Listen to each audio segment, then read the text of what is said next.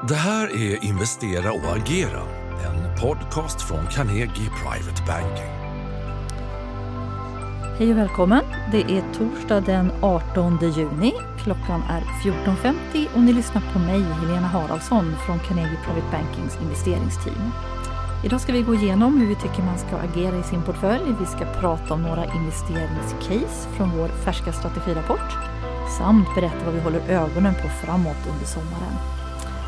Om man ska ta en överblicksbild av marknaden just nu så är det intressant att se hur teknikbolag, till exempel Nasdaq 100-index, nu är över sin topp före corona. Även Nasdaq Biotech har gått starkt, så det verkar vara stort fokus på strukturell tillväxt, innovation och konjunkturokänsliga sektorer. Sen botten i mars så är de flesta börser upp 25-30 procent. Men nu sprids en oro igen och vi har fortfarande stora dagsrörelser och orosindex VIX är på dubbla den normala nivån. Och att konjunkturosäkerheten är stor, det är inte bara vi som tycker det utan det tycker också färska prognoser från Fed och OECD och Riksbanken. Oron som har kommit sista tiden det beror bland annat på att viruset sprider sig allt mer. Vi ser det i de tre största staterna i USA, Texas, Kalifornien och Florida. Vi ser det i Peking där skolorna stänger. Och vi har sett det lokalt i Sverige, bland annat i Gällivare där LKAB-gruvan skulle göra jobb med externa experter och då verkar man ha fått ett nytt utbrott. Marknaden har också oroat sig för att Biden och Demokraterna har stark medvind vilket kan ge en ändrad skattemiljö med mindre förmånliga bolagsskatter och kanske höjda kapitalskatter. Eh, särskilt om senaten riskerar att bli demokratisk, då kan man få igenom fler av de här skattereformerna. Stimulanserna de är stora och man har en beredskap att göra mer både från centralbanker och regeringar. Men Feds annonsering för några dagar sedan att man ska köpa enskilda företagsobligationer var i vår värld ingen nyhet. Det var känt, både belopp och obligationstyp sedan innan. Det stora infrastrukturpaket man diskuterar i USA, det kan ju glädja börsen men vi tror att det är en stor risk att kongressen inte godkänner det här före valet. Det skulle nämligen kunna ge Trump ökat stöd. Infrastruktur var ju något han utlovade 2016 då när han blev vald. Hur ska man agera i den här miljön då, med dragkamp mellan virus och stimulanser? Jag vill rekommendera en normal aktievikt. Vi vill väcka intresse för en techinvestering 5G men också för att diversifiera ränteplaceringarna. Eh, vi har faktiskt en normal aktievikt i portföljerna. Det är stora stimulanser men också stor osäkerhet om framtiden, framförallt 21 och 22. Det finns en risk att ekonomi och bolagsvinster inte når tillbaks redan under nästa år från det stora tapp vi förväntar oss i år. Och det finns den här risken för ny skattemiljö främst i USA.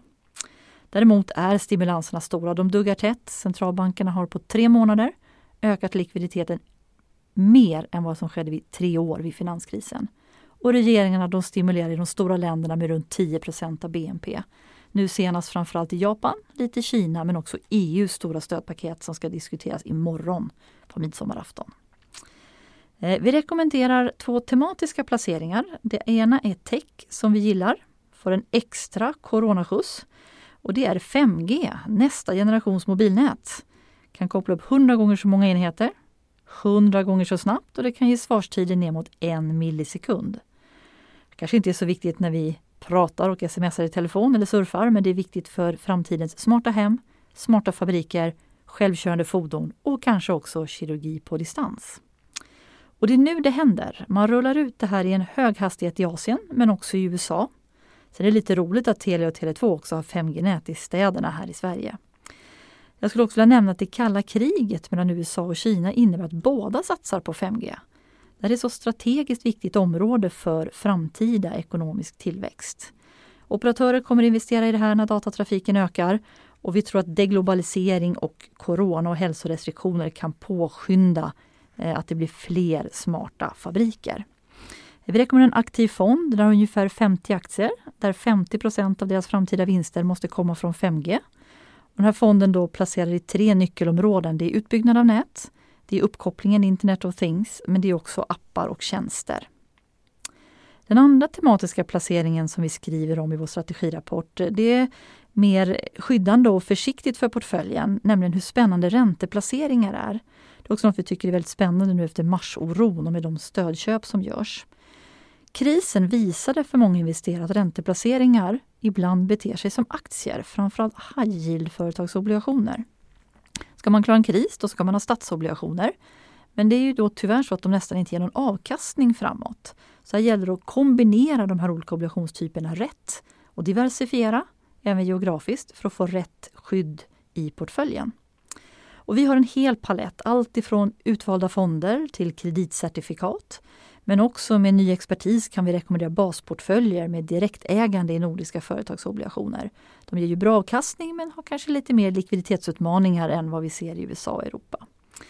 Två flaggskeppsprodukter har vi, en tryggare och en där vi jobbar mer med kreditexponering. Och här gillar vi då framförallt företagsobligationer i USA och Europa där både Fed och ECB gör stödköp. Men vi tycker också om instrument som COCOS men också kinesiska obligationer där vi ser räntesänkningar framåt i Kina. Vad är det vi bevakar inför sommaren då? Ja, vi har beskrivit ett, ett osäkert marknadsläge med dragkamp. Eh, samtidigt öppnar man ju nu upp ekonomierna. Man har stöd av stora stimulanser men vi är osäkra på konjunktur och vinster och därför har vi då i balansen mellan det här en normal aktievikt. Vi kommer bevaka om vi får en bredare börsstyrka, det skulle vara positivt, alltså fler sektorer och fler regioner. Annars kommer vi hålla ögonen på för det första virus och vaccinnyheter. För det andra trender inför amerikanska valet. Och för det tredje om vi får signaler på återhämtningens styrka under hösten. Kanske kan bolagens kommentarer i rapportsäsongen ge någon ledning. Eller så dröjer svaret en bit in på hösten. Våra portföljrekommendationer om vi ska sammanfatta dem, det är vi gillar tech, särskilt 5G.